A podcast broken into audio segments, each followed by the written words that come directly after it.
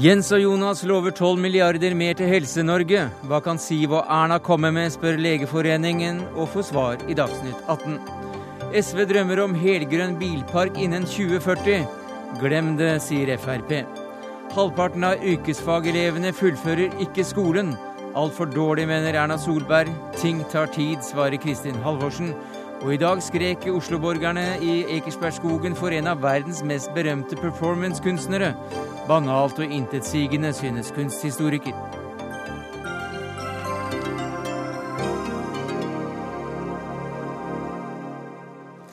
Ja, Det er noen av sakene i Dagsnytt 18 denne torsdagen, der vi også får siste nytt fra Egypt, og gratulerer en sjettedel av verdens befolkning med dagen.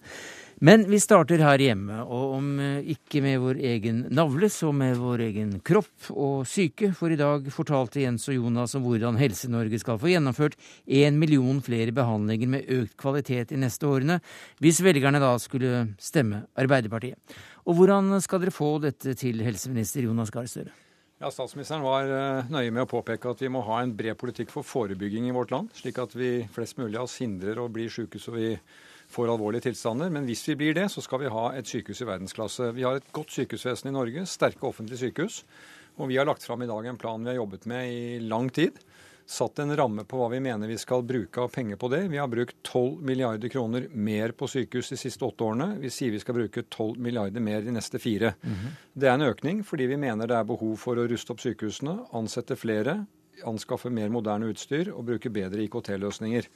Og det er tiden godt inne for nå. Og vi får en befolkning som blir eldre. Vi får en del nye sykdomsbilder vi skal møte. Og da mener vi at det er et politisk valg å si at hovedstrategien er å ruste opp våre felles sykehus. Så skal vi fortsatt kjøpe tjenester fra private, men her er det en helhetlig plan for hvordan vi kan gjøre gode men, offentlige sykehus bedre. Men dette er dobling av, dobling av, av investeringene? Ja, du kan si det er, vi brukte 12 milliarder ekstra over åtte år. Nå skal vi bruke det over fire år. Ja. Så det er en økning, og det betyr at vi da må uh, ha vilje til å prioritere det. Og for å gå tilbake igjen til et av valgkampens mm. tema Som vi sikkert kommer tilbake til, og det har noe med skatte... Nei, men det handler om at de pengene må vi da være villige til å finne og bevilge. Og det vi tydeliggjør her med 12 milliarder, det er en betydelig del av det handlingsrommet en regjering har. Mm. Men vi mener det er en viktig del, fordi at det å bygge nytt sykehus i Buskerud, få psykiatribygg i Trondheim, det koster penger. Det skal bevilges skritt for skritt. Det å sørge for at det medisinsk-tekniske utstyret er moderne. Det å ansette flere så vi kan ha lengre åpningstid i sykehusene, det koster. Vi kan ikke lure oss bort fra det. Og vi sier nei til å øke egenandelene. Og da er dette måten å gjøre det på. Leder i Høyre, Erna Solberg, hva sier du til dette? Jeg sier at det er veldig mye i denne listen som er fint. Det er ikke så veldig mye som er nytt. Mye av dette er jo vedtatt i Stortinget i løpet av det siste året. Noen av tankene har vi hørt før. Spørsmålet om det er veldig mye mer penger, er jo et diskusjonsspørsmål. Det vi har regnet i forhold til pris- og lønnsutviklingen i helsesektoren, så har man altså i snitt de siste fire årene brukt ca. 9,8 milliarder. Da er dette ca. 2 milliarder kroner mer. Jeg hører at, at statsråden bruker noen andre tall. Derfor får vi gå tilbake til den talldiskusjonen, men det er det vi har fått ut av å lese en, budsjettene. En dobling, sies det? Ja, det får vi da gå ut og se budsjettene etterpå, ja. om, om, hvem som har rett. Ifølge de tallene vi sitter med, så brukte vi, har vi brukt i, da eh, ca. 9,8 milliarder kroner eh, mer eh, de siste fire årene. Da betyr det at det er ca. 2 milliarder mer. Og Det er ikke unaturlig å tenke seg at veksten blir høyere, for det er flere eldre. Der er mange som står i kø. Vi finner ikke løsningen her som gjør at færre kommer til å stå i kø. Det er vi nødt til å gjøre noe med. Vi finner ikke løsningen her som gir en tydelig prioritering av de som er svakest i helsevesenet, altså de som har eh, rusmisbrukere, de som har en, eh, en, altså trenger hjelp innenfor det psykiske helsevernet. Eh, og vi er jo opptatt av at akkurat den gruppen må vi nå løfte, mm. for de opplever opplever å få et altfor dårlig tilbud i dag? Eh, denne planen løfter fram psykisk helse og rus. Eh, vi kommer litt senere i denne valgkampen med en eh, oversikt og en plan når det gjelder kvalitet innen rusomsorgen. Vi tydeliggjør denne kreftstrategien vi har utarbeidet sammen med Kreftforeningen, så det er en klar spissing på det. Men la meg si det på den måten. Der hvor våre politiske motstandere nå har varslet, uten å kunne tallfeste en betydelig økonomisk satsing på å garantere private klinikker, at de kan gjenoppstå, så bruker vi de ressursene på det offentlige helsevesenet. Fordi i, det, i Norge så er det slik at ni av ti kroner går til offentlige sykehus. Og da tenker jeg i retning av at ni av ti av innsatsen vår for å gi et enda bedre helsetilbud skal komme dit. Så dette tilbudet kommer til å behandle flere. Og da betyr det at vi skal få ventetidene ytterligere ned. Det at folk venter i Norge, det er et uttrykk for at de blir behandlet. Da jeg satt i dette studio første gang som helseminister, fikk jeg vite at det var over 200 000 i helsekø som det ble sagt. Og jeg kan i dag si at 95% av dem er behandlet. For i Norge mm. får du behandling på andre enden. Det er jo fint, for det er snart ni måneder siden han ble, ble helseminister. Og det er bra hvis flesteparten av de som sto i kø, ikke sto i mer enn ni måneder. De står i snitt i to måneder. Ja, Men det er ni måneder siden du ble helseminister, og eh, det er omtrent et svangerskap. Og heldigvis så er det ikke sånn at man mm. Eh, snitt er to måneder, Erna Solberg, ja, det vet du. Men du, ditt poeng var at nå var de behandlet. Ja. Men vi har altså mange som står i kø lenge, og man står i flere køer. Først står man i kø til å bli diagnostisert. Så står man i kø til å få behandling, og så står man i kø til å få rehabilitering. Så det er jo ikke sånn at når du går inn og ser på tallene hvor lenge folk har stått i kø, at det alltid matcher det vi møter enkeltpersoner som forteller om, fordi de har stått i flere køer gjennom det forløpet, og eh, derfor opplever at ventetidene er mye lengre enn det som faktisk blir mm blir eh, målt. Men det er sånn, vi kan godt stille spørsmål om hvorfor vi ikke har beregnet våre modeller. Men det er jo ikke sånn at denne regjeringen har beregnet f.eks. hva koster det å utvide åpningstiden. Er det mer effektivt enn å bruke den private kapasiteten? Hva koster det når man nå skal da legge inn MR og røntgen i fritt eh, sykehusvalg.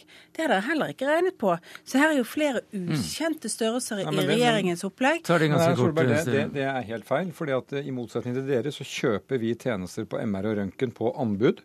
Og Det betyr at innenfor de budsjettene vi har, så sier vi at nå er det en flaskehals, sånn som Helse Sør-Øst har gjort nå, kjøpt MR-tjenester for 29 millioner. Det er innenfor et vedtatt budsjett. Mm. Så det er, eh, det er, en helt avklart Leder i Fremskrittspartiet, Siv Jensen. Dette med å doble, øh, doble innsatsen når det gjelder penger de neste fire årene, å få én million flere behandlinger ut av det, det er å føre pasientene bak lyset, sa du til Dagsnytt tidligere i dag. Hvordan kan du si det?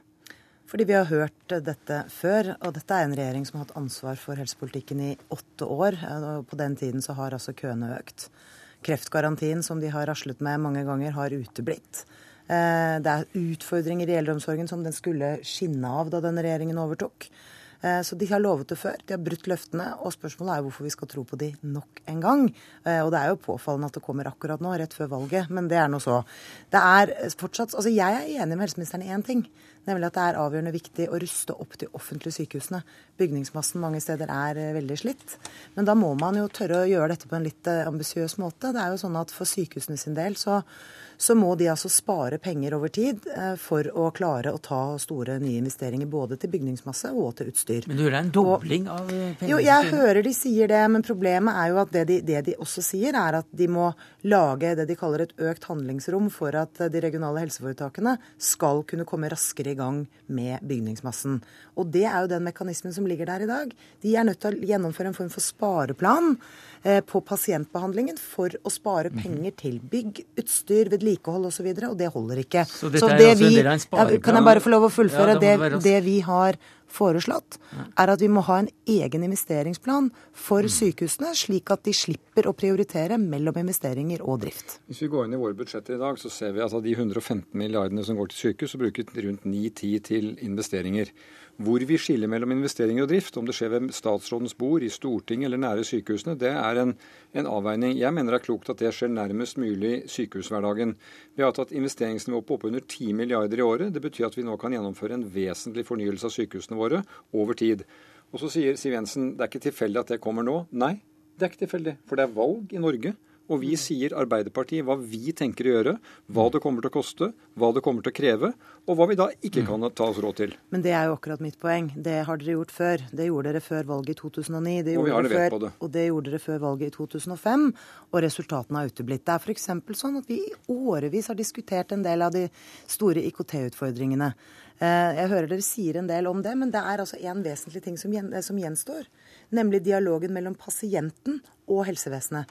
Der er det i dag en hel haug med ulike portaler som du kan bli ganske forvirret av som bruker, hvis du skal gå inn og skaffe deg nødvendig pasientinformasjon. Vi lanserte i går eh, en, en, løsning på dette, bedrehelsevesen.no, som er en modell for hvordan dette kan fungere i praksis i fremtiden. Og det syns jeg er en god idé, som vi gjerne vil gjennomføre. Men jeg vil gjerne gi Siv Jensen honnør for det forslaget. Da jeg så henne på TV i går, så tenkte jeg at er du en ny medarbeider i Helsedepartementet? For dette holder vi på å gjennomføre.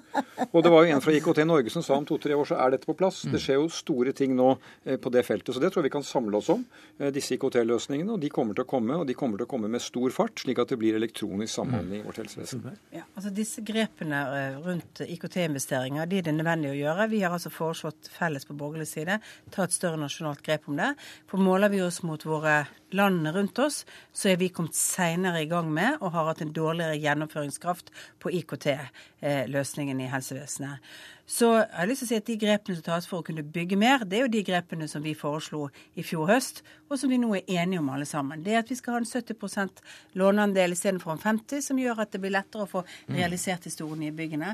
Men det jeg savner her, det er de tiltakene som skal få ned køen, og de tiltakene som skal prioritere de som er svakest. Eh, og fortsatt er det sånn at vi ser at rusmisbrukere har et problem.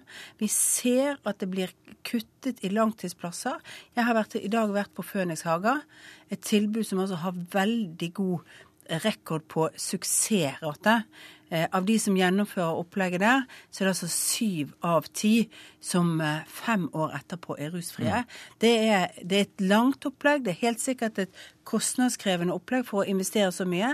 Men når jeg snakker med brukere der som forteller at de har vært igjennom seks og syv andre opplegg som ikke har fungert fordi de har ikke brukt god nok tid, de har ikke stilt mm. de nok til ansvar så mener jeg at vi må bruke den typen kapasitet til virkelig mm. å ha et mangfoldig og godt tilbud. Og dette er unge rusmisbrukere. President i Legeforeningen Hege Gjessing. Eh, I en pressemelding i dag sier du at Arbeiderpartiet ser sykehusenes behov, og at dette er et stort skritt i riktig retning. Ja, Det som har vært viktig for oss i dag, det er å prøve å finne ut av om dette dreier seg om friske midler eller ikke. For det er riktig som det blir sagt, hvis du bare tar lønns- og prisvekst i de fire årene, så er det ca. 12 milliarder. Så vi har ringt over til eh, Arbeiderpartiet og snakket med rådgivere der som har forsikret oss om at her dreier det seg om et ekstra løft i tillegg. Og med det premisset så mener vi at eh, dette er et godt forslag, som sammen med det forslaget om 70 eh, lånefinansiering vil gi mer handlingsrom til sykehusene. Og Vi deler det synet at det aller viktigste nå er et skikkelig løft for de offentlige sykehusene. Det er viktigst nå. Vi har jo bedt om en investeringspakke fordi etterslepene på bygg og utstyr har blitt eh, enormt store. Men dette er et skritt i riktig retning. Og, og vi er opptatt av de offentlige sykehusene fordi det er der de alvorlig syke pasientene er. 80% av det som skjer i sykehus, er akutt innleggelser. Mm.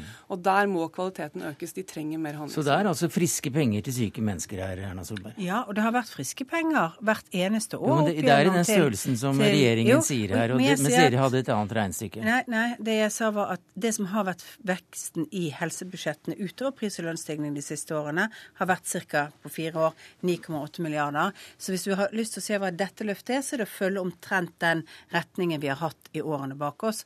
Det gir oss selvfølgelig flere helsetjenester og flere mennesker som blir behandlet, men samtidig har vi ganske store demografiske utfordringer. Men hvorfor er dere så uenige i akkurat tallet her? Nei, jeg, jeg, jeg, skjønner ikke helt uh, disse tallene som blir trukket opp. Jeg, vi har brukt i grunnen de vanlige metodene uh, forhold til også de vanlige budsjettene. I år har vi en uh, rekordøkning i veksten til sykehusene som er rundt 2 milliarder kroner. Med dette opplegget så sier vi at det må løftes til 3. Mm. og så skal vi jo følge med verden og prisutviklingen sånn som den går. Men dette er et signal fra Arbeiderpartiet. Vi har ikke for vane å, å, å trikse med tall på, på, den måten. Vi legger frem ordentlige tall opp mot ordentlige behov. Men det som Hege Gjessing sier, det er at jeg tror det er veldig vesentlig. Ikke bare så er de mest alvorlig syke pasientene i de offentlige sykehusene. De har også funksjoner knyttet til forskning, opplæring, akuttfunksjoner, fødefunksjoner. Og jeg er urolig for at de forslagene som høyresiden har, om at de private klinikkene skal få en automatisk tilgang til finansiering ut av sykehusramma, det svekker de offentlige sykehusene. Og da er vi der igjen, Siv Jensen. Nei, men Jeg vil gjenta det igjen. Jeg er helt enig i at behovene hos de offentlige sykehusene er store, og at det er nødvendig å ruste de opp. Bygningsmassen er nedslitt, utstyrsparken er dårlig. Senest i dag vært på sykehuset i Bodø og sett en, kreft, en strålemaskin som virker akkurat når det passer den. Gammel, utrangert, og de trenger mer utstyr. Nybygg er fint sånn at, jo, det er i ferd med å komme opp, og det blir bra. Så for all del. Men poenget er at det trengs mye, og det er altså ikke friske penger her foreløpig. Det er ikke bevilget en eneste krone her. Dette er et løfte mm. uh, som regjeringen sier at de skal komme med. Skal Poenget vinne, skal vinne valget. Jo, men Jonas, dere lovet uh, et, en kreftgaranti mm. som er helt uteblitt. Hvor er det blitt av den? Dere, lo, dere lovet at dere skulle få orden på eldreomsorgen. Hvor har det blitt av det? Dere lovet at dere skulle få køene ned. Hvor har det blitt av det? Poenget er at det er mager trøst for veldig mange når dere kommer med løfter rett før et valg, og så glemmer dere de når dere vinner valget. Vi har satt et mål om at 80% av kreftpasienter skal i behandling innen 20 dager. Eh, vi er på vei mot det målet. Vi er ikke kommet dit over natten. Det er krevende. Eh, vi sørger for at stadig flere behandles. Aldri før har færre ventet i forhold til de som får behandling. Hvis din visjon er et sykehusvesen hvor ingen venter, da finnes ikke det landet. Eh, det er en utfordring i ethvert helsevesen at ordet 'nok' må defineres politisk. Hvor mye skal vi bruke? Og i et land hvor helsetjenestene er gratis, og det mener vi skal slå ring rundt, så må vi også ha evnen til å prioritere. Og Vi løfter altså inn de pengene som her trengs, og det kommer til å ta bortimot en tredjedel av det handlingsrommet mm. Norge har ved hvert eh, budsjett. og hvis vi får fortsette med ansvaret, så skal vi altså ta de prioriteringene. Men det er ikke helt sikkert at dere får fortsette med dette ansvaret. Og Hege Gjessing som president i Legeforeningen, hvilke forventninger eh, mener du man da bør stille til en, til en eh, blåere regjering? Ja, jeg, jeg, vil gjerne snakke om det vi er mest opptatt av, som er eh, sykehusene og opprustning av det, uten å liksom, ta partipolitikken her. Men eh, det jeg hadde lyst til å si Du har jo ja, noe anledning til å binde, binde, partiene i et løfte om å, ja, å matche jo, denne summen som er kommet på bordet. Hva, hvordan svarer Høyre på dette? Fordi vi er så opptatt av den opprustningen av de offentlige sykehusene. Ja. Og McKinsey har vist i en rapport at etterslepene nå har blitt eh, på den store summen av 70 milliarder. I Danmark har de kommet med en investeringspakke på rundt 43 milliarder. Ja, så ditt så spørsmål til de blå partiene er da vi, ja, vi, ønsker å se noe i statsbudsjettet for 2014 som viser at man faktisk mener det man sier, at man har sett behovet for en eh, økt investering i de norske sykehusene. Men altså, den økte investeringen, de tiltakene som ligger for økt investering, det er jo tiltak som vi hadde i fjorårets budsjett, vårt alternativ, og de borgerlige partiene har foreslått det. Og så har Arbeiderpartiet tatt det etterpå. Nå er vi enige om den delen. Selvfølgelig må det være vekst også i budsjettene til de offentlige sykehusene fremover. Det er de som tar hovedtyngden av eh, all eh, akutthjelp og annet. Men det er ikke til fortrengsel for at vi også skal gjøre noe med å få ned helsekøene. Og vi er nødt til å også jobbe på andre måter i offentlig sektor.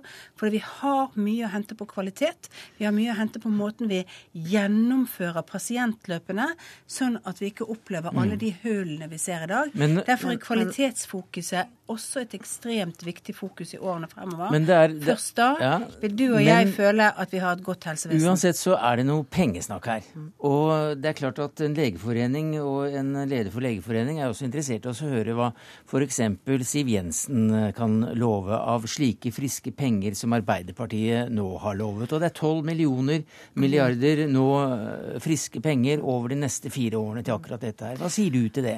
Problemet med denne... Vil du si 13 milliarder? Nei, fordi problemet med den prosentendringen er at det fortsatt vil ta ganske lang tid før det frigjør nok midler for sykehusene til å ta de store, tunge løftene. Så du vil ikke si noe tall? Nei, det, det vi mener er nødvendig, er en ekstra investeringspakke som tar unna en del av det etterslepet som har bygget seg opp ved veldig mange av landets sykehus. Mm. Både på utstyrssiden, på å få vedlikeholdt eksisterende bygningsmasse og satt i gang mm. nye prosjekter. Det er viktig. Og da kan man ikke mm. sette sykehusene i en sparesituasjon hvor det tar tid før man kommer dit. Det er helt avgjørende for mange av disse sykehusene at de får nytt og moderne mm. utstyr Erna Solberg, vil du love noe penger her? Rene kroner? Altså her er 12 milliarder i løpet av fire år. Hva vil dere gi, i løpet av fire år? Altså Det vi har sagt, eh, basert på de tallene som Arbeiderpartiet kom med i dag, er at vi anser dette som en helt rimelig satsing på helsevesenet helsevesenet i mm. årene fremover. Det er i forhold til den demografiske utviklingen og det vi har gjort de senere årene, ikke et uh, unaturlig tall.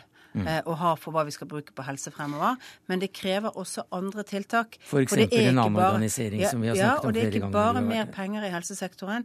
Det er kvalitetsfokuset, og det er prioritering av noen viktige områder. Rus, psykisk helse, og ikke minst at vi også sørger for at etter at man har operert, så får man mm. et liv som er godt å leve. Og det betyr at vi trenger det som vi mener er den viktigste fremtidige eh, reformen i Norge. Et mye mer mm. strukturert rehabiliteringsløp. Takk skal du ha, Erna Solberg, leder i Høyre, Jonas Gahr Støre, helseminister, Siv Jensen, leder i Frp, og Hege Gjessing, president i Legeforeningen. Hør Dagsnytt 18 når du vil, på nettradio eller som podkast. nrk.no – dagsnytt 18.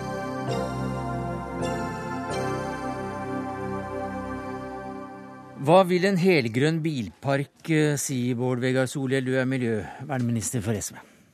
En helgrønn bilpark det vil si at uh, vi har uh, biler som enten er helt utslippsfrie, som elbiler, eller som på andre måter har svært lave CO2-utslipp. Og du, og du, ønsker deg en slik bilpark innen 2040, og hvordan mener du at det bør gjøres? Ja, Vårt kanskje fremste forskningsmiljø på transport de lagde en rapport der de vurderte realismen i det her for Miljøverndepartementet. Og De sier at å i all hovedsak ha en sånn bilpark i ja, om et par tiår, det er fullt mulig. Og det er mange fordeler med det. Mindre støy, mm. helse, mindre helseproblemer i storbyene våre.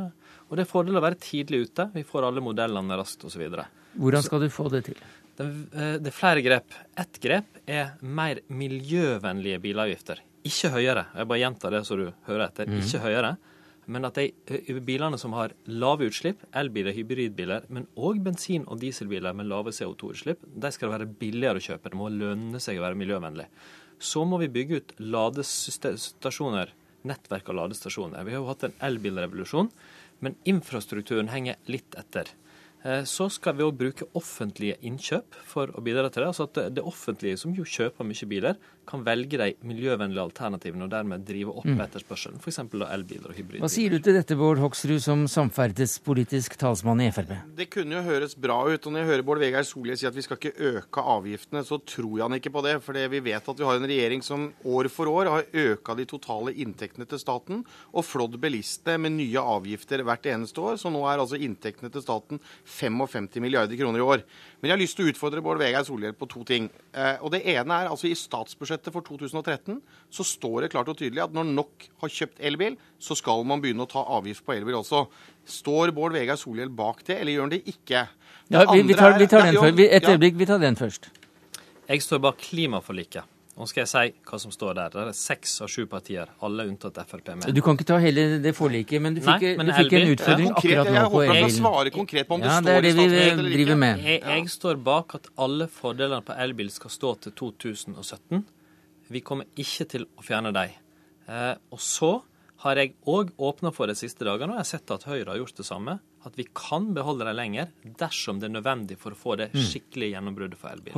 Ja, Det høres bra ut, men han svarer ikke på spørsmålet om det står i statsbudsjettet for 2013 eller ikke, og jeg vet at det står der, så det er greit. Men da bare skjønner jeg at da, da har vi utgangspunkt for hvor miljøvernministeren er. Men jeg har lyst til å utfordre den konkret. En Volvo V60 plug-in hybrid 215 hestekrefter, 2,4 liter, slipper ut 0,49 gram CO2 eh, og har et forbruk helt ned i 0,18 liter per mil den koster 100 000 mer i avgifter enn den samme bilen som en 1,6 liter, men med diesel. Hvorfor da, hvis man er så opptatt av å gjøre noe med miljøet og sørge for mer miljøretta avgifter, hvorfor setter man ikke ned avgiften på mm. den bilen istedenfor den andre? Og det er, jo, det er, jo, det dette handler om. Og du har sittet i regjering i åtte år, Bård Vegar Solhjell. Dette har vært kjent i mm. flere år. Dere har ikke gjort en dritt for å gjøre noe med det der. Det var veldig godt du tok opp, fordi vi har begynt å sette ned avgiftene på såkalte plug-in-hybrider, altså de ladbare hybridene. fordi at De er ganske nye, og det er mm. kommet veldig. Og En av de tingene jeg gikk ut med òg nå, er at vi skal fortsette å ta ned avgiftene på de. Og Grunnen er fordi elbiler og hybrider og andre er jo i utgangspunktet dyrere. Så hvis de skal kunne konkurrere med de eh, bensin- og dieseldrevne, så må vi gi dem skikkelig introduksjonstilbud. Så veldig kort. Hoksrud sier vi har ikke gjort noe. Vet du hva? Dette er blant de områdene vi har gjort mest. Når vi tok over, så var utslippene fra norske biler langt over EU. Nå ligger de under. Eh, vi er verdens ledende elbilland. Det er ingen land der så mange har elbil. Alle bilprodusenter kommer hit først med merkene sine osv. Vi har altså hatt en omfattende omstilling av bilparken vår som vi er i gang med. Men klimaproblemet er et massivt problem vi, sant, Det er verdens største problem. Vi er verdens rikeste land. Det skulle bare mangle at vi skal gå mm. raskt videre. Men, men jeg, jeg, har på, hvis jeg får lov å si da tilbake. fordi at ja, Jeg er enig i det. og det, er, Fremskrittspartiet var helt enig i det som skjedde på elbil og forliket der. Men vi fikk altså ikke lov til å være med i det forliket som eh, Bård Vegar Solhjell er så opptatt av. Fordi de rød-grønne partiene nekta Fremskrittspartiet for lov å være med på sluttforhandlingene. Vi hadde fått til masse godt sammen med de andre borgerlige partiene. Men jeg skal, jeg skal ikke bruke, bruke, mer tid på det. Men, men, men, poenget altså når Bård Vegar sier at vi har gjort så mye på avgifter de siste årene ja, man gjorde mye på diesel. Men hva var konsekvensen av det? Jo, det ble mye mer lokal forurensning. Så nå truer man altså med at nå skal man eh, enkelte dager nekte på vinteren at folk skal få kjøre dieselbil. Fordi at man skulle redusere CO2. Men denne regjeringa er bare opptatt av CO2, og så glemmer man alle de andre forurensningene. Nei, det er jo feil. Nei, det, det, det, er jo, det er jo konsekvensene Bård Vegar Solhjell, av den politikken dere har ført. Nå har svare kort på det. Fordi at De siste årene så har vi ikke bare begynt å ta hensyn til at det skal lønne seg veldig lave CO2-utslipp, men òg at det lokale miljøforurensning er viktig. Så nå er det sånn at det å velge miljøriktige biler, både i forhold til klima og lokale miljøhensyn, blir billigere. Men- Men, men- men, men- et men- øyeblikk, Solhjell. Jeg, jeg, jeg, har et spørsmål som programleder her også, og det er eh, dette med avgiftsøkningene. Hvordan skal det skje for eh, disse bilene som tross alt bruker litt bensin og litt diesel? da? Altså, som sagt, Vi skal ikke ha avgiftsøkninger som sådan. Det er ikke nødvendig. Det er ikke spesielt miljøvennlig. det. Tvert imot så har engangsavgiften for en gjennomsnittsbil gått ned de siste årene. Så det er ikke avgiftsøkning? Nei, På noen sum- biler? Summen skal ikke gå Nei, summen, men hvilke, sånn. hvilke biler er det som skal økes? Ja, gi meg, ta eksempler, da. Sant? Biler f.eks. i det som heter mellomklassen stasjonsvogner, Mm. sant? som vi mange har, de har fått lavere engangsavgift de siste årene. Ta en folkevogn Golf, en, ganske, en så- såkalt kompaktklasse. Den har blitt betydelig, eller fått lavere engangsavgift de siste årene. Det er altså sånn, Men det kan både være store og små Mm. biler. som får, eh, For det er òg en del store biler som har fått lavere avgift. Ja, du snakker bare om lavere, men jeg er også Ja. interessert i hvem som får mer. Ja, men fordi når, når summen har gått jo, men kan du ikke si ned hvem som får mer? Nei, at Jeg sitter ikke med en lang liste, men summen på veldig mange har gått ned. Og da betyr det at det store flertallet sin engangs, Mm. Du, vi, vi, vi, har snakket en del om at vi er ledende på elbilmarkedet når det gjelder uh, i hele verden, ifølge departementet ditt. Men uh, Bjart Holsmark, som samfunnsøkonom og forsker i, i Statens uh, Statistisk sentralbyrå, så er ikke du helt sikker på at det gagner miljøet?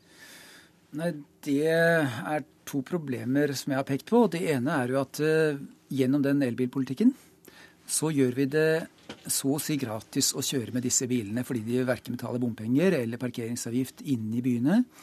Og, og de får også gratis lading. Og, og når du gjør det gratis å kjøre bil, da tror jeg det er stor fare for at bilistene kjører mer og sykler mindre. Og undersøkelser tyder jo også på at det er det som skjer. Og vi må være klar over at altså, en elbil, heller ikke en elbil, er eh, miljøvennlig. Den, eh, den skaper eh, altså forurensning i form av svevestøv. Den bidrar til kø akkurat like mye som andre biler, og ulykker. Og, så, så- det er grunnen til at jeg, altså, jeg, jeg er betenkt med, En av grunnene til at jeg er betenkt med denne politikken. Hvordan uh, vurderer dette i departementet? Altså, jeg kjenner ganske godt til de arbeidene Holsmark har gjort, og, og har lest uh, noe av det. Og jeg syns han har noen poenger. uh, men jeg er likevel uh, hva skal jeg si, hovedbildet uenig med han. Fordi eh, det at vi eh, nå vi, Altså, jeg tror bilen er kommet for å bli, for å si det sånn. Jeg tror at i storbyområdene så kan vi erstatte den ganske mye med sykkel- og kollektivtrafikk. Men i det landet Norge er, så kommer den i stor grad til å være der. Da eh, tror jeg det er bedre at vi har biler som har ingen eller helt begrensa CO2-utslipp. Og da er det ganske godt dokumentert at det er klart mer miljøvennlig å ha en elbilpark eller hybridbiler enn å ha biler drevet på medisin og diesel. Ikke hvis den der elbilen blir en ekstrabil, slik at uh, husholdningene får uh, en bil ekstra å kjøre rundt med? Jo, fordi at eh, det er jo ikke alle som gjør det. Altså Noen per nå så er det sånn at man kjøper en ekstra. Men hvis du ser bare få år fram i tid, så har vi kanskje stasjonsvogner som elbil. Altså Fredrik Hauge har jo nettopp kjørt til Nordpolen med en sånn Tesla, som en svær bil. helt, kan gå mye lengre avstander. Det er nettopp å drive fram den teknologiutviklinga og introdusere det her i markedet i Norge, som er grunnen til at det er en fornuftig politikk, sånn jeg ser det. Ja, altså det, det kan godt være det er fornuftig å, å stimulere til eh, bedre elbiler. For det kan være at det, det, kan være at det er en viktig fremtidsløsning. Men jeg, jeg syns mange er litt vel skråsikre på hva som blir trafikkløsningene i fremtiden. Men hvis man ønsker å støtte elbilene, så vil det etter min mening vært langt mer fornuftig at man eh, istedenfor å gjøre det gratis å kjøre disse bilene, kunne brukt eh, penger på å støtte forskning og utvikling av batterier, som er nøkkelen til å få bedre batterier. Da hadde du unngått alle de uheldige bieffektene som eh, dagens politikk fører til. Altså Jeg er enig med Holtsmark i at vi må støtte forskning og utvikling, men vi må òg støtte introduksjon. Det er det samme med fornybar energi. Vi kan ikke bare forske på det, vi må gjøre at de raskt kommer inn i markedet. fordi det haster å løse klimaproblemet. Men det jeg syns er hans hva skal jeg si, viktigste poeng, det er at det er ikke sikkert at vi bare skal satse på elbil. Vi vet ikke nøyaktig hvilke biler det er som vil erstatte de nåværende i 2040. Så derfor, Det kan være at de, de bensinbilene med veldig lave utslipp skal være viktig. Det kan hende at det er hydrogen, at det er hybrid, at det er el. Derfor er de viktigste delene av politikken de som sørger for at alle typer miljøvennlige biler blir billigere å kjøpe. Det blir også da en helgrønn bilpark innen 2040 hvis SV da har miljøvernministeren de neste 27 årene, er det sånn? Du vet hva, jeg tror det, det, vil nok hjelpe med SV på akkurat det, men jeg tror òg det er veldig sterke andre drivkrefter. Og det viktigste er at miljøproblemene og klimaproblemet er vår tids aller største utfordring. Takk skal du ha, Bård Vegar Solhjell, miljøvernminister for SV, Bjart Holsmark, samfunnsøkonom og forsker i Statistisk sentralbyrå, og til deg, Bård Hoksrud, samferdselspolitisk talsmann i Frp. Hør Dagsnytt 18 når du vil, på nettradio eller som podkast. nrk.no – dagsnytt 18.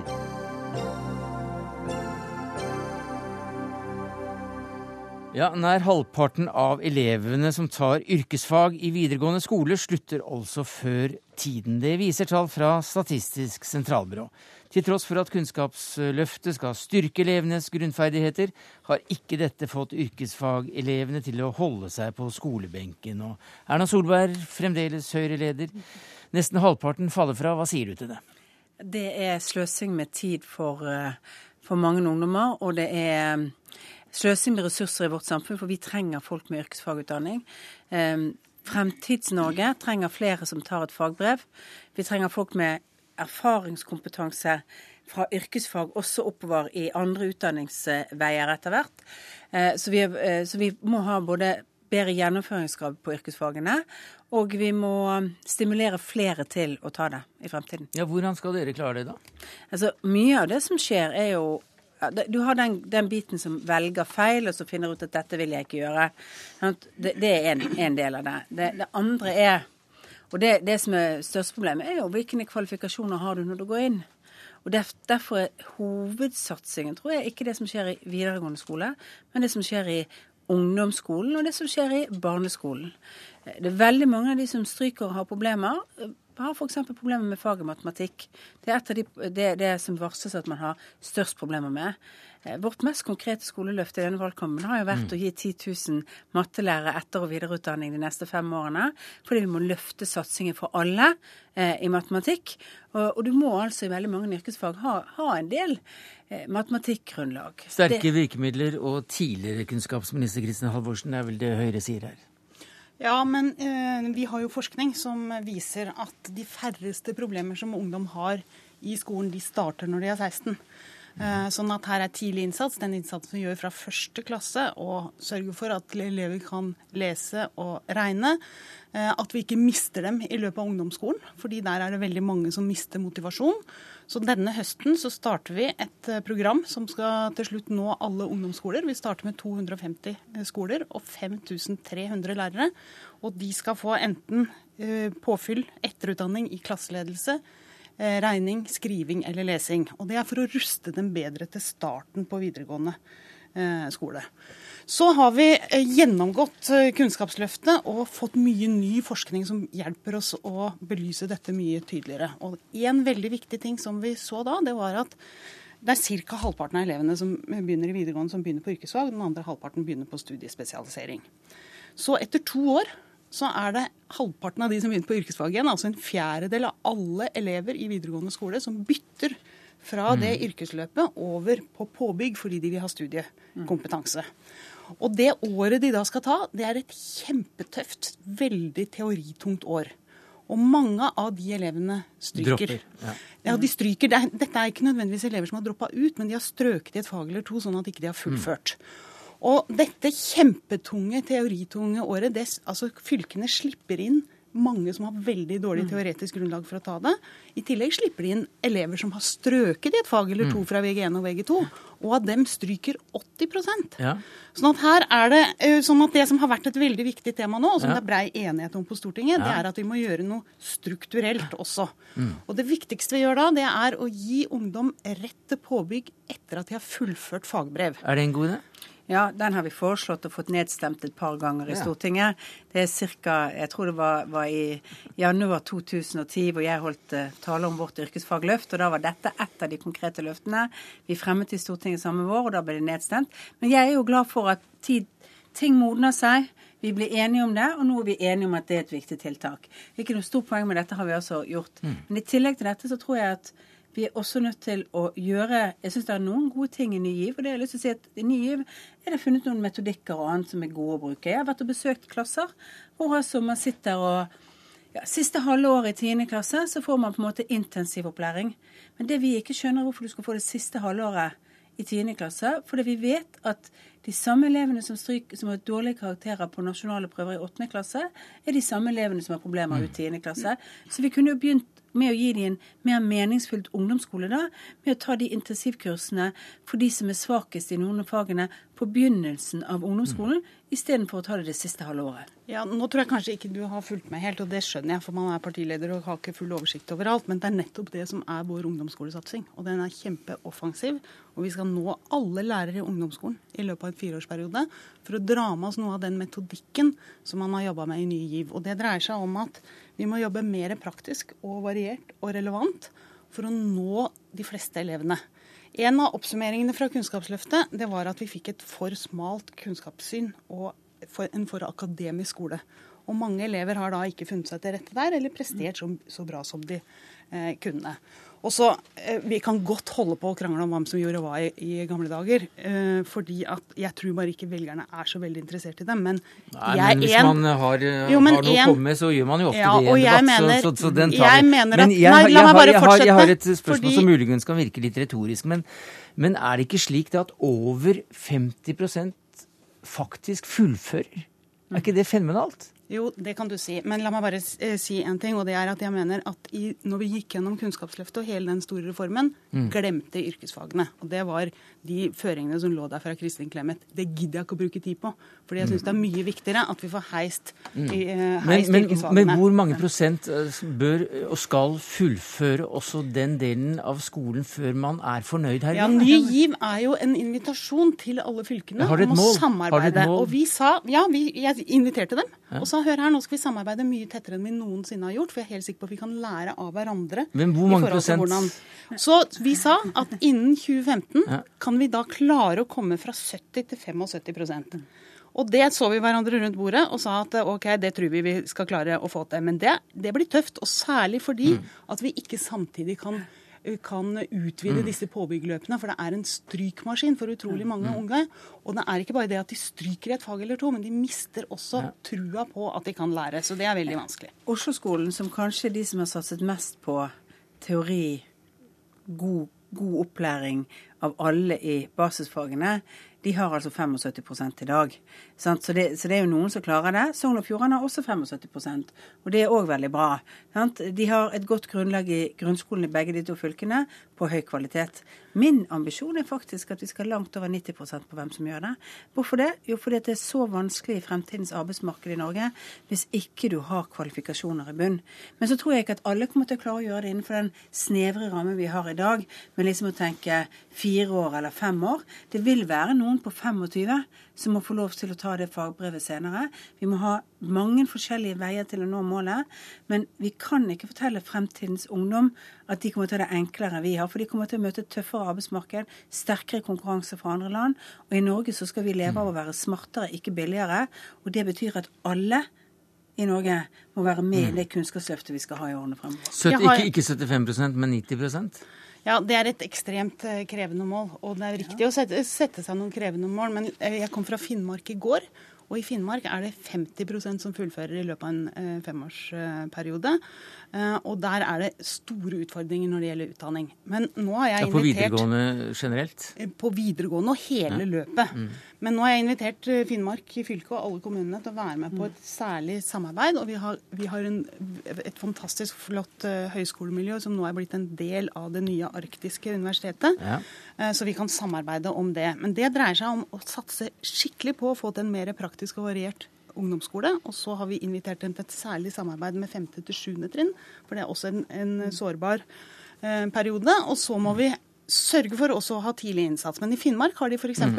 10% av lærerne som er ufaglærte. En kjempeutfordring, så vi trenger et kompetanseløft der også. Nå ringer, nå ringer det ut fra denne timen her. Så jeg kan jeg bare vi- si én liten utfordring til slutt? Ja, og det er at jeg mener vi må fortsette på den veien og gjøre Mm. skolen mer praktisk og relevant. Og jeg er veldig redd for at når Høyre skal sette inn karakterer i barneskolen og flere tester, så kjører det skolen inn i det smalere sporet som vi nå må prøve å breie ut, sånn at også de praktiske gutta Mm. Den finner seg igjen i skolen. Men, men de som vanligvis klages på at har mest tester, de har altså minst frafall. Det burde vi jo være et tankekors når Oslo-skolen scorer så høyt som den gjør, og i dag faktisk også får ros fra opposisjonen. Det syns jeg er fint. Så sjenerøs bør man være. Oppskriften der det virker best, den er faktisk der Det hvor er- politikk gjennomføres. Takk skal dere ha, Erna Solberg, leder i Høyre, Kristin. Halvorsen, kunnskapsminister for SV.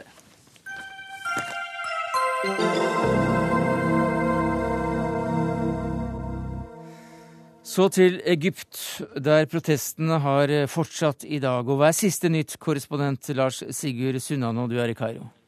I søsterbyen til Kairo, Giza, som er mest kjent for pyramidene sine, ble guvernørens provinshovedkvarter der angrepet av rundt 500 tilhengere av den avsatte presidenten Mohammed Morsi i formiddag. De hadde med seg bensinbomber og klarte å sette det i brann før de ble drevet bort. Det har også vært nye omfattende pro-Morsi-demonstrasjoner i Alexandria, der enda en kirke ble forsøkt påtent. Men der ble demonstrantene stanset av beboerne i det koptisk-kristne området der kirken står. Det er langt fra rolig Egypt etter at overgangsregjeringen satte inn politiet, sikkerhetsstyrkene og hæren mot de to protestleirene som Morsis tilhengere holdt gående i seks uker frem til i går i Kairo. Ja, Vi får stadig eh, nye meldinger om, eh, om tallet på omkomne etter gårsdagens eh, ja, bataljer. Hva, hva er de siste tallene du har fått med deg? Nei, det er ikke kommet noen tall utover at det er rundt 500 som nå figurerer på dødslistene. De offisielle tallene fra helsemyndighetene i Egypt etter blodbadene i går er nok ikke for høye, og de vil vokse i dagene som kommer. Minst 1400 mennesker ble jo såret, mange av dem alvorlig, da de to protestleirene ble stormet. Alle de hardt skadde har neppe tilgang på den legehjelpen som må til for å berge dem. Det er jo ellers en tradisjon i islam for å begrave sine døde raskt, og allerede i kveld skal mange begraves. Hva er det ventet at dette kan føre, til seg, føre med seg av demonstrasjoner? Nei, det vil bli nye store demonstrasjoner i forbindelse med disse begravelsene. og eh, disse demonstrasjonene vil kunne kollidere med portforbudet som nå gjelder i hovedstaden og i en rekke provinser fra klokken 19 om kvelden til 6 om morgenen. Velger politiet, sikkerhetsstyrkene og hæren å håndheve portforbudet bastant når demonstrantene fyller gatene i forbindelse med begravelsene, kan det bli et nytt blodig oppgjør mellom generalenes overgangsregjering og brorskapet. Mange frykter akkurat det. Og nå i kveld sier norsk UD til TV 2 at de fraråder alle ikke-nødvendige reiser til Egypt. Takk skal du ha, Lars Sigurd Sunnanå i Kairo.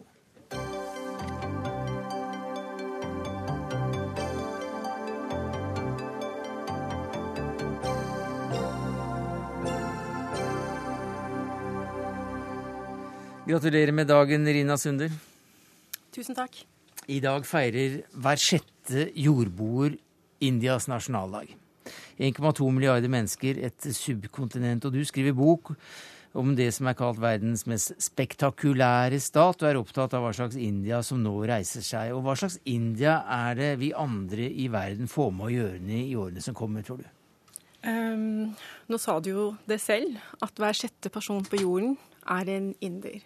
Og gitt at, uh, at India har en befolkning på 700 millioner mennesker under 30 år, så kan man sammen med Kinas befolkning, som også er på over 1 milliard, definitivt si at dette århundret tilhører Asia.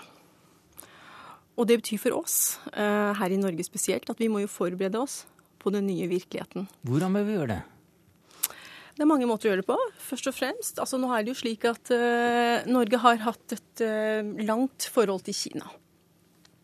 Mens, Kina. mens, India kom på kartet for Norge kanskje for fem-seks år siden. Uh, regjeringen har utviklet en strategi for Norge og India, og det er kjempebra. India er jo nå ved siden av Kina og um, Brasil blitt et prioritert land for vår satsing. Bilateralt, politisk og også, også i et økonomisk perspektiv. Så hvordan vi kan forberede oss, er jo først og fremst så må vi jo forstå dette landet. ikke sant? Vi, ja. Der Kina vekker litt redsel, så vekker jo India litt mer glede og optimisme. Um, det er et komplekst land, det er et enormt stort land. Uh, så man kan ikke snakke om India som ett land. Um, vi må forberede oss på den nye virkeligheten, for det som kommer til å skje, er jo at uh, vi vil møte en inder enten som konkurrent, uh, samarbeidspartner eller kunde. Det kryr av indere, skriver du. Det kryr av indere. Det er indere overalt, ikke bare i India, men også utenfor India. Men eh, Sunder, altså blant, eh, annet, blant veldig mye annet så underviser og kurser du eh, flere titalls norske bedrifter i nettopp hvordan man skal unngå de verste brølerne i møte med det indiske. Og hva er de vanligste fallgruvene våre forretningsfolk lettest da snubler i, ramler ned? Som alt annet i livet, det å gjøre hjemmeleksen er utrolig viktig. Eh, og India er et utrolig komplekst samfunn. Det er vel knapt noe annet samfunn som er så annerledes enn det norske samfunnet som det det India er. Eh, gitt at 80% av indierne er eh, hinduer, den religion som er veldig fremmed for oss. India har et kastevesen Norge som er så egalitært. Eh, det å forholde seg til et så hierarkisk eh, samfunn, som også da næringslivet, eh, bedrifter som velger å gå inn i India, vil jo måtte forholde seg både til kompleksiteten til dette landet. Det er jo ikke sånn at det å gjøre forretninger i Mumbai er det samme som å gjøre forretninger i Chennai. India er enormt stort, enormt mange språk. Det er store forskjell på byer til landsbyer. Sånn at eh, fallgruvene er jo først og fremst å undervurdere på en måte at det er lett å gjøre business i India. India er rangert som et av de vanskeligste markedene å gå inn i, og det har vi jo erfart også med Telenor. Mm. Jo, men Apropos Telenor, også, der så jo mange til sin forbløffelse at den at den lokale norske da, sjefen for, for, eh, Telenor i India ja, Vi så han spille på håndtromme, var det det? Og han danset rundt omkring med sine medarbeidere i den, eh, da de verste nyhetene sto på. Noe som eh, skal ha begeistret en del viktige beslutningstakere i India. Ja, det er fantastisk. Ja. Nettopp det at han møter inderne, kanskje litt mer på indernes premisser. Nå er jo Telenor også i en veldig heldig posisjon på den måten at de jobber med moderne indere. Mm. De jobber med IT-mennesker, mennesker med en IT-bakgrunn. Så kulturmessig så er det nok ikke Så vil man i en arbeidssetting kanskje ikke treffe på så mange utfordringer, selv om for all del Telenor har vel møtt på alle de utfordringene man kan møte på. Men for andre selskaper, for et mindre selskap som vil inn, inn, inn i India, så vil jo f.eks. Eh, det å lede indere, eh, det å kommunisere med indere, det å forstå Indian Standard Time, altså tidsaspektet, tidsperspektivet, det, vil, eh, det, er, rett og slett Vi må få et helt nytt mindset i møte med inderne. Fordi at uh, vi lever i et samfunn hvor vi tenker at vi har ett liv. Mens inderne har jo karma, ikke sant. Du har flere liv. Mm. og da, da, blir tid, f.eks. tidsperspektivet, blir veldig relativistisk. Ja. Sånn at det å holde ord, det å holde avtaler Alt kan være litt mer Eh, flytende. Ja, så, skri, så, så, skriver du at mens vi jo er veldig målrettet og vil ha raske resultater, så er det litt, eh, en litt annen måte å, å håndtere disse spørsmålene på, på dette subkontinentet. Eh, og også da i forhold til å si ja, eller ikke ville si nei. Hva mener du med det? Indere av natur, asiatere også for øvrig, ikke bare indere, er veldig pleasing. I vår kultur så, så sier man ikke direkte nei. Det gjør heller ikke kineserne. Eh, man, eh, derfor blir det viktig eh, for en nordmann å lese kroppsspråket til en inder. Mm -hmm. Fordi indere er gjestfrie. Hvis man ser på India, Dalai Lama bor i India. Det er flere religioner som er født i India. Buddhismen, jainism, sikhism, hinduismen. Det er et veldig tolerant samfunn hvor alt i grunnen er OK. Man er romsligere. Og det gjelder også da det å forstå at hvor har man egentlig denne inderen, det er vanskelig å lese hvis man ikke er inder selv. Og da går man tilbake igjen og ser på har man gjort hjemmeleksen. Forstår man dette ja, når inderne sier sånn, eller når de sier sånn. Eh, og da må man bruke tid. Da må man investere i relasjoner, slik at man etter hvert kan høre også på toneleie og utvikle mm. en tillit. Og det gjelder jo i alle samfunn. Men i møte med India, hvor en inder vil variere sånn Man kan ikke si at det fins én inder. Du vil treffe en inder som kanskje aldri har vært utenfor India.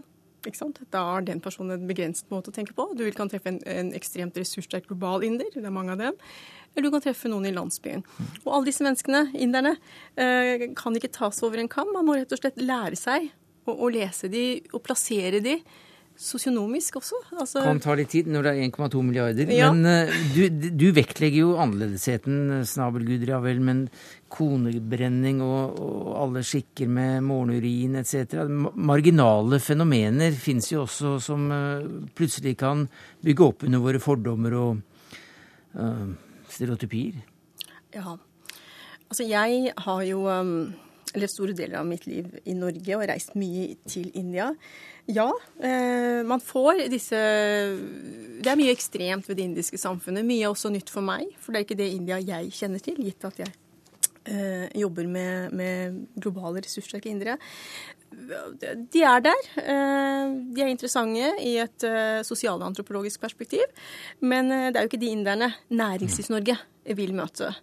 Og jeg tenker på våre unge nordmenn som skal ut der og konkurrere med disse ekstremt sultne kineserne og inderne.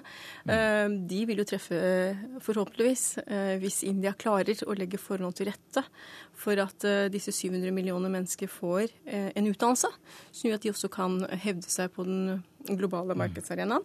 Så vil jo våre norske unge også få en uh, tøff, uh, tøffe konkurrenter, rett og slett. Og da gjelder det å ha gjort hjemmeleksa si, har vi hørt. Rina Sunder, kulturbrobygger, gründer, forfatter blant mye annet. Takk skal du ha. Gratulerer med dagen. Takk.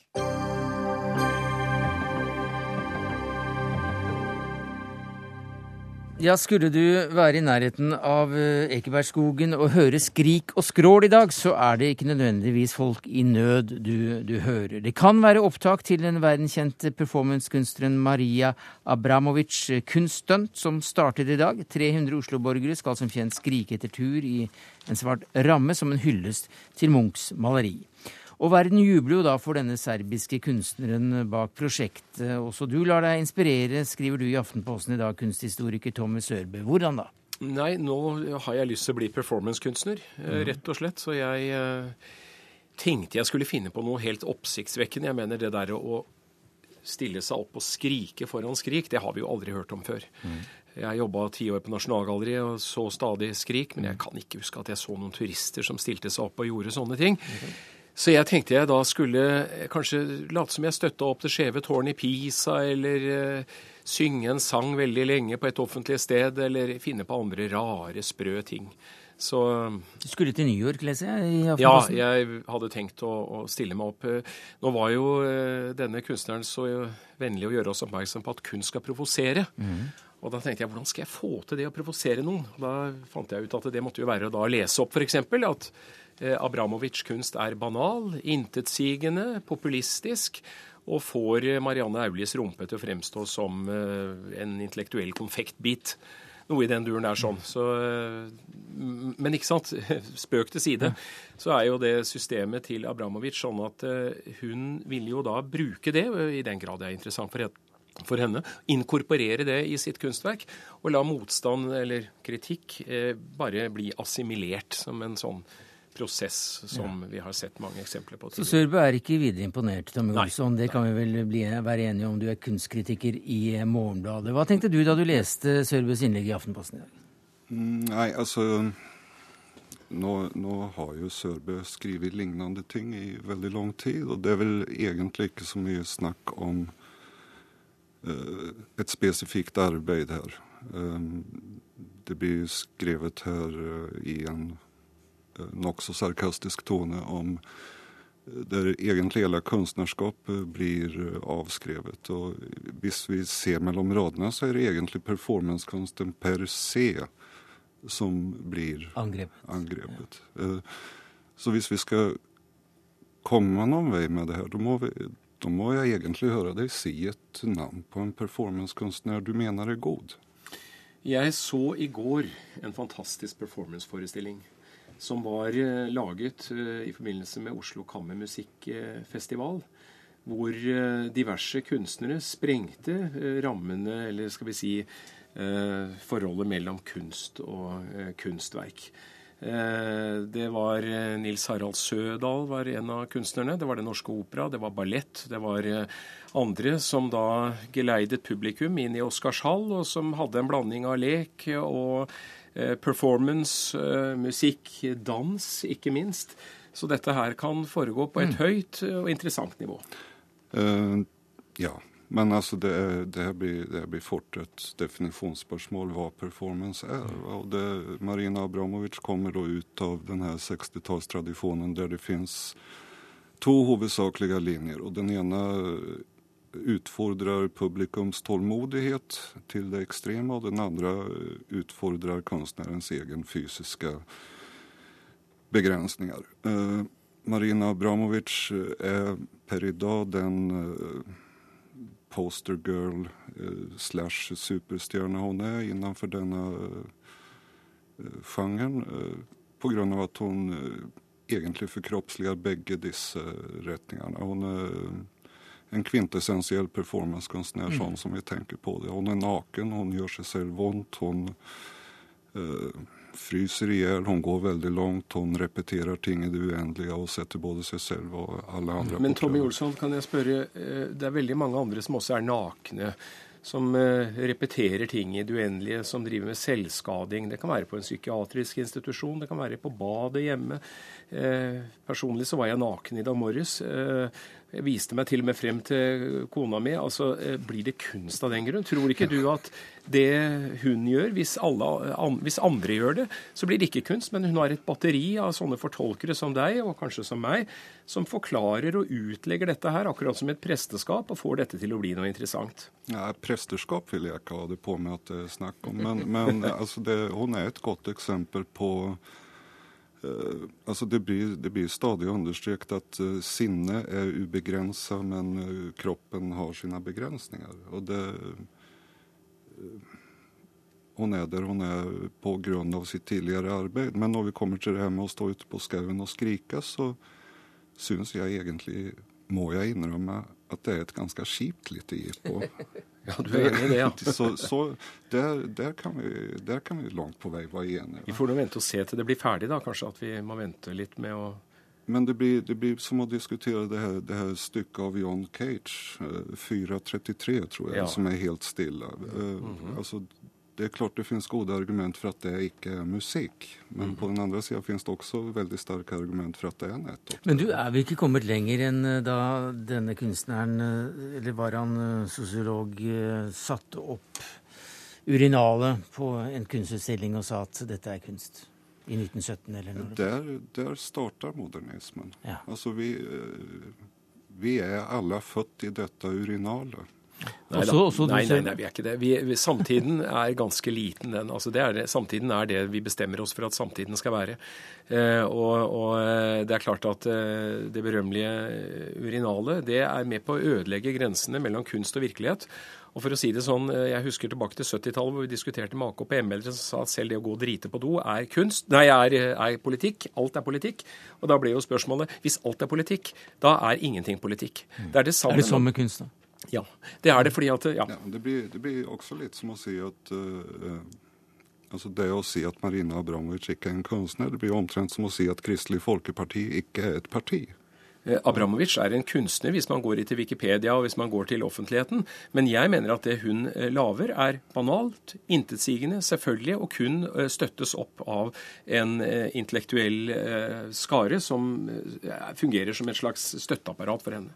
Ja, men sånn, sånn, fungerer jo absolutt alt. Men det rare, det rare, er at når vi kommer til samtidskunsten, så er det her mistenkelig. Ja, altså Jeg mener at det er mistenkelig, fordi at jeg ser på den gjenstanden kunstneren gir fra seg. Det er den jeg er interessert i. Ikke om kunstneren er kjent, eller om det er 700 000 eller 800 000 som har fulgt henne. Konteksten er jeg nå meget lei av etter hvert, den berømmelige konteksten. For alt skal settes inn i en kontekst, og dermed forsvinner også grensene for kunsten, og da forsvinner også erkjennelsen av kunstverket. Så ta et urinal ut av Kunstmuseet og inn på et ja, pissoar? Så er det ingenting. Hva sier du til det? Nei, altså Urinalet til Duchamp er et historisk faktum, og det er mm. nesten 100 år gammelt. Altså det, Det er klart vi kan sitte og krangle om det, men det er et historisk faktum. Og så får vi se om vi krangler når vi får endelig sett eh, hva dette nye skrik, eller de 300 skrikene, blir brukt til. Det får vi om fem-seks uker, visstnok. Det var det vi rakk i Dagsnytt 18. Takk skal du ha, Tommy Sørbø og Tommy Olsson. Teknisk ansvarlig for det hele var Karl Johan Rimstad. Dag Dørum var ansvarlig for sendinga. Jeg heter Sverre Tom Radøy. NRK